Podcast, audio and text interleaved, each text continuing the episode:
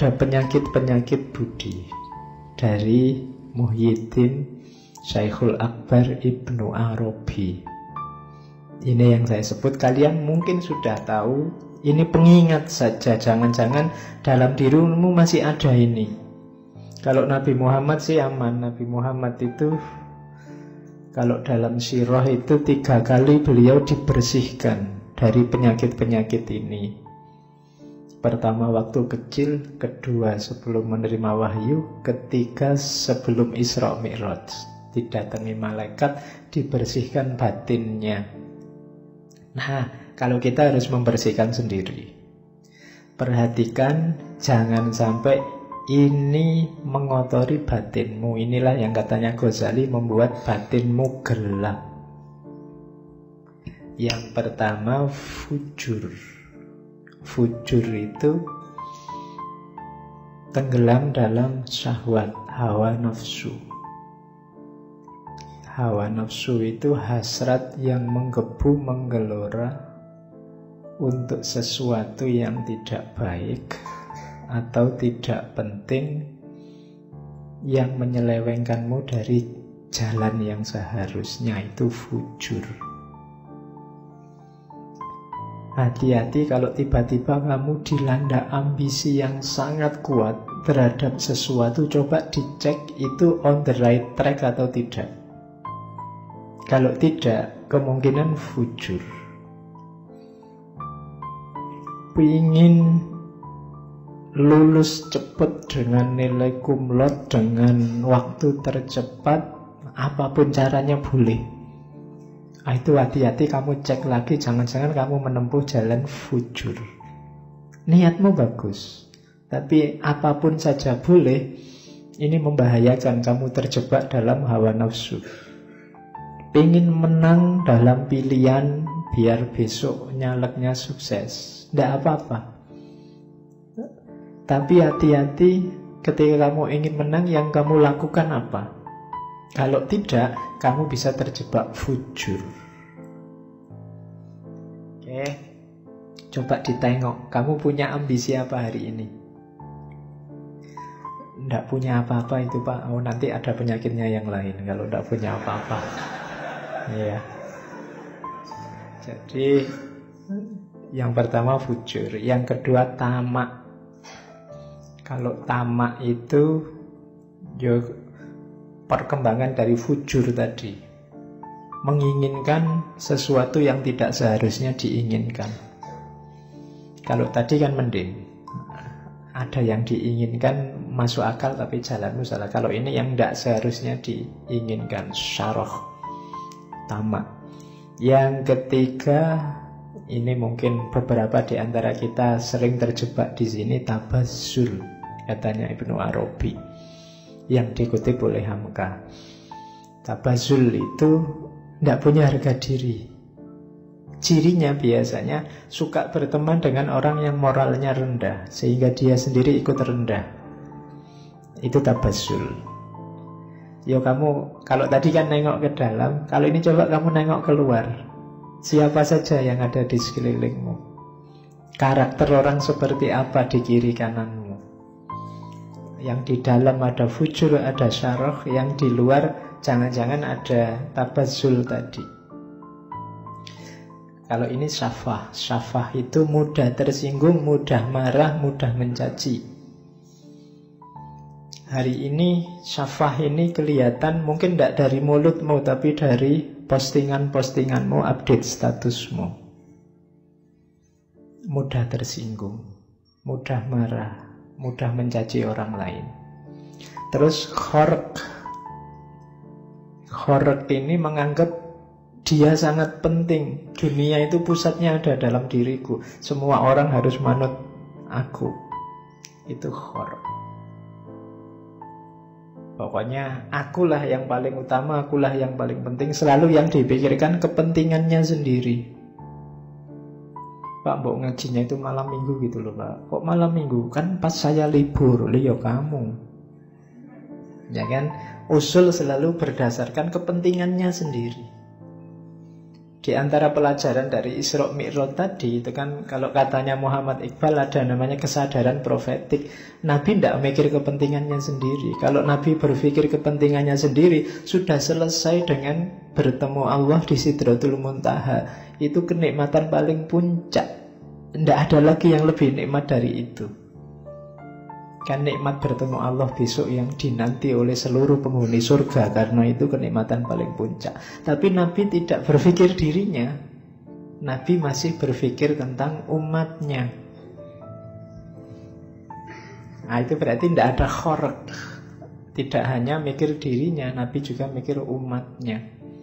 Makanya waktu dipuji oleh Allah itu kan waktu kita lahir akhir kan At-tahiyatul mubarakatus sholawatut tayyibatulillah Terus Allah menjawab Assalamualaikum ayuhan nabiyyu wa rahmatullahi wa Tapi Rasulullah Eh Allah menjawab Assalamualaikum ayuhan nabiyyu wa rahmatullahi wa Terus Rasulullah tidak egois Malah Rasulullah membawa umatnya Assalamu alaina wa ala ibadillahis solihin Ini percakapan antara Allah dan Rasulullah itu berarti apa? Nabi tidak egois.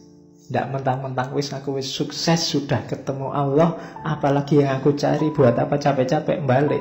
Wong Nabi ini sedang berat-beratnya hidup setelah ditinggal Khadijah, ditinggal Abu Talib. Dakwah sendiri dilempari batu. Ujiannya luar biasa, bahkan ada riwayat yang mengatakan ujian paling ringan saat itu yang dihadapi oleh Rasulullah adalah satu ketika beliau keluar dari rumah dicegat oleh orang Quraisy terus kepalanya ditaburi pasir. Itu dianggap ujian paling ringan. Saya tidak tahu kalau kalian keluar rumah dicegat orang kepalamu ditaburi pasir itu mungkin celuritnya keluar. Tapi kalau Rasulullah tidak. Bahkan waktu dilempari batu di Taif itu malaikatnya aja sampai tidak kuat. Katanya malaikat Rasulullah kalau kamu mau bumi Taif saat ini juga aku balik. Jadi hancur semua Taif orangnya masuk liang lahat semua. Tapi jawabannya Rasulullah ya janganlah. Katanya Rasulullah, mereka itu begitu karena tidak tahu. Makanya Nabi malah mendoakan, Allahumma di kaumi fa innahum la ya'lamun. Ya Allah, beri hidayah kaumku mereka itu tidak tahu, jangan disiksa, orang tidak tahu kok. Nah itu Rasulullah mikir umatnya, tidak khork. Kan hari ini banyak orang yang difikirkan dirinya sendiri, terus tidak kosawah, tidak benci dan dendam. Ini juga yang kita susah. Kita biasanya suka sekali memelihara kebencian. Kalau sudah benci sama orang, kapan pun dan di mana pun dibawa ke mana-mana. Wong kita memelihara kucing aja ditinggal di rumah Tapi memelihara kebencian ke mana-mana kita bawa. Mbok yuk ditinggal sekali-sekali. Tapi kebencian dan dendam ini kita bawa terus. Itu kosawah apa sih untungnya kamu membawa ke mana-mana benci dan dendam itu? Tidak ada untungnya selain kamu sendiri yang berat. Wong yang kamu benci itu tidak tahu kamu serepot itu membawa-bawa dirinya ke mana-mana. Jangan-jangan yang kamu benci sedang senang-senang. Kamu sumpek terus dalam hatimu. Jadi kamu sibuk sendiri, sumpek sendiri, KO-KO sendiri.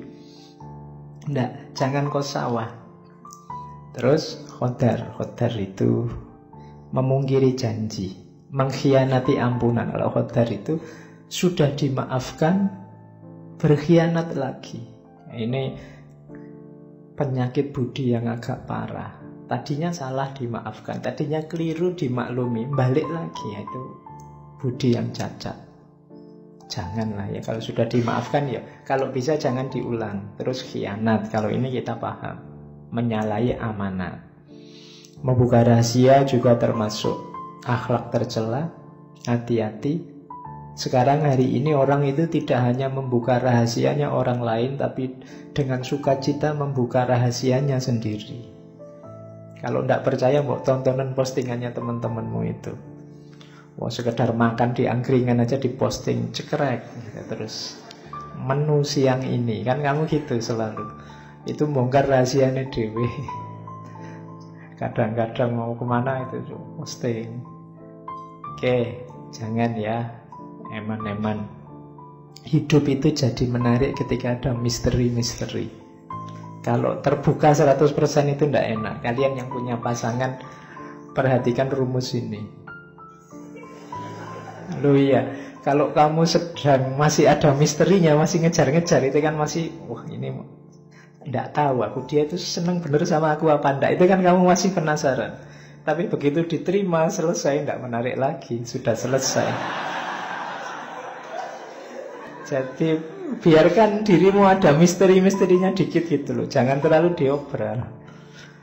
Jadi itu rumusnya.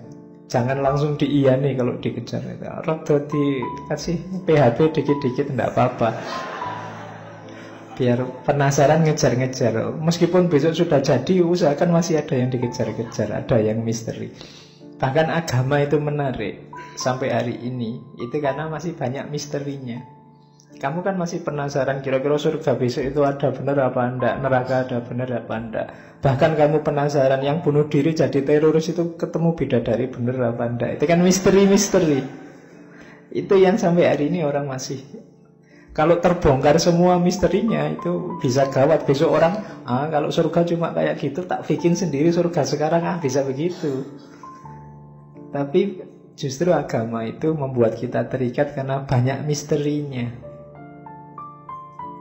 Oke, jadi jangan mudah membongkar rahasia. Dirimu sendiri atau rahasianya orang lain. Takabur ini pasti, biangnya semua kerendahan budi itu kesombongan. Kemudian khobas. Niat jahat Niat saja kalau bisa jangan. Awas kau Hati-hati. Anda lah, usah begitu. Itu sudah niat jahat. Lihat saja tiga tahun yang akan datang. Tidak lah, tidak usah pakai begitu Tidak usah dilihat tiga tahun Sekarang aja yang enak-enak Yuk bareng-bareng Khobas namanya Tidak usah niat jelek Bahil juga jangan Juben, pengecut Jangan. Pengecut itu tidak berani ngambil resiko. Hasad, ini kita sudah tahu. Jelek hatinya. Ingin orang lain susah. Kalau ada orang lain senang, dia sumpek. Itu hasad. Susah lihat orang lain senang, senang lihat orang lain susah. Itu berarti hasad. Hari ini tidak sadar kita sering hasad. Khususnya pada orang yang beda dengan kita termasuk yang beda pilihan dengan kita. Kalau kubu sana jelek, alhamdulillah. Ya kan? Kamu kan gitu setengahnya. No, bener toh? Nah, kamu mesti gitu. Itu namanya seneng lihat yang lain jelek. Dan susah kalau lihat yang lain baik. Sebenarnya diam-diam di hatimu ada rasa hasut. Dan kita disuruh berdoa untuk berlindung dari orang-orang yang hasut ini di surat Al-Falaq. Ya kan? Wa min syarri hasidin idha hasad. Karena orang hasad ini merugikan dalam hidup kita. Yang selanjutnya jasa. Jasa ini kayak juben. Tidak berani susah, tidak berani menghadapi resiko. Nah, yang tadi saya bilang males-malesan itu juga penyakitnya budi. Namanya sohirul himmah. Keinginanmu apa? Cita-citamu apa? Tidak tahu pak, saya mengalir saja. Nah, ini penyakit budi juga. Ya kamu harus tahu. Hidup itu dalam kuasamu, jangan mengalir saja. Arahkan ke yang baik-baik sesuai yang kamu tahu. Lakukan yang bagus-bagus sesuai keinginanmu. Jangan sohirul himmah. Harus punya target. Syukur-syukur lengkap. Jangka pendek saya ingin ini, jangka panjang saya ingin itu, jangka menengah saya ingin ini. Itu lebih bagus. Ada himmah. Untuk urusan agama Pak, saya ingin lima tahun ke depan saya sudah bisa rajin sholat tahajud, apal surat yasin bisa. Nah, itu namanya target. Kalau untuk urusan studi saya ingin dua tahun lagi lulus karena kalau enggak mesti DO. Nah, terus untuk lo lah Ya caranya begitu. Jangan sohirul himmah, ndak punya karep. Kelemahannya anak muda hari ini banyak yang ndak jelas. Cita-citanya apa, keinginannya apa. Dan yang terakhir al-jaur. Kalau ini berlebihan, ya baik sih, cuma apa-apa itu ada kadarnya. Harus tahu takarannya. Jangan over. Semua yang over itu jelek. Termasuk kebaikan. Ada beberapa kebaikan yang kalau over ya jelek. Islam itu suka keseimbangan. Nabi Muhammad itu mengkritisi kalau ada sahabatnya yang sholat terus ibadah terus itu dimarahi sama Nabi. Yo sholat, yo istrimu diopeni, yo ya kerja. Jadi imbang antara dunia akhirat. Keseimbangan ini menunjukkan bahwa kita jangan berlebihan. Akhirat ya, dunia ya. Oke, jadi ini penyakit-penyakit budi menurut Ibnu Arabi yang dikutip oleh Hamka.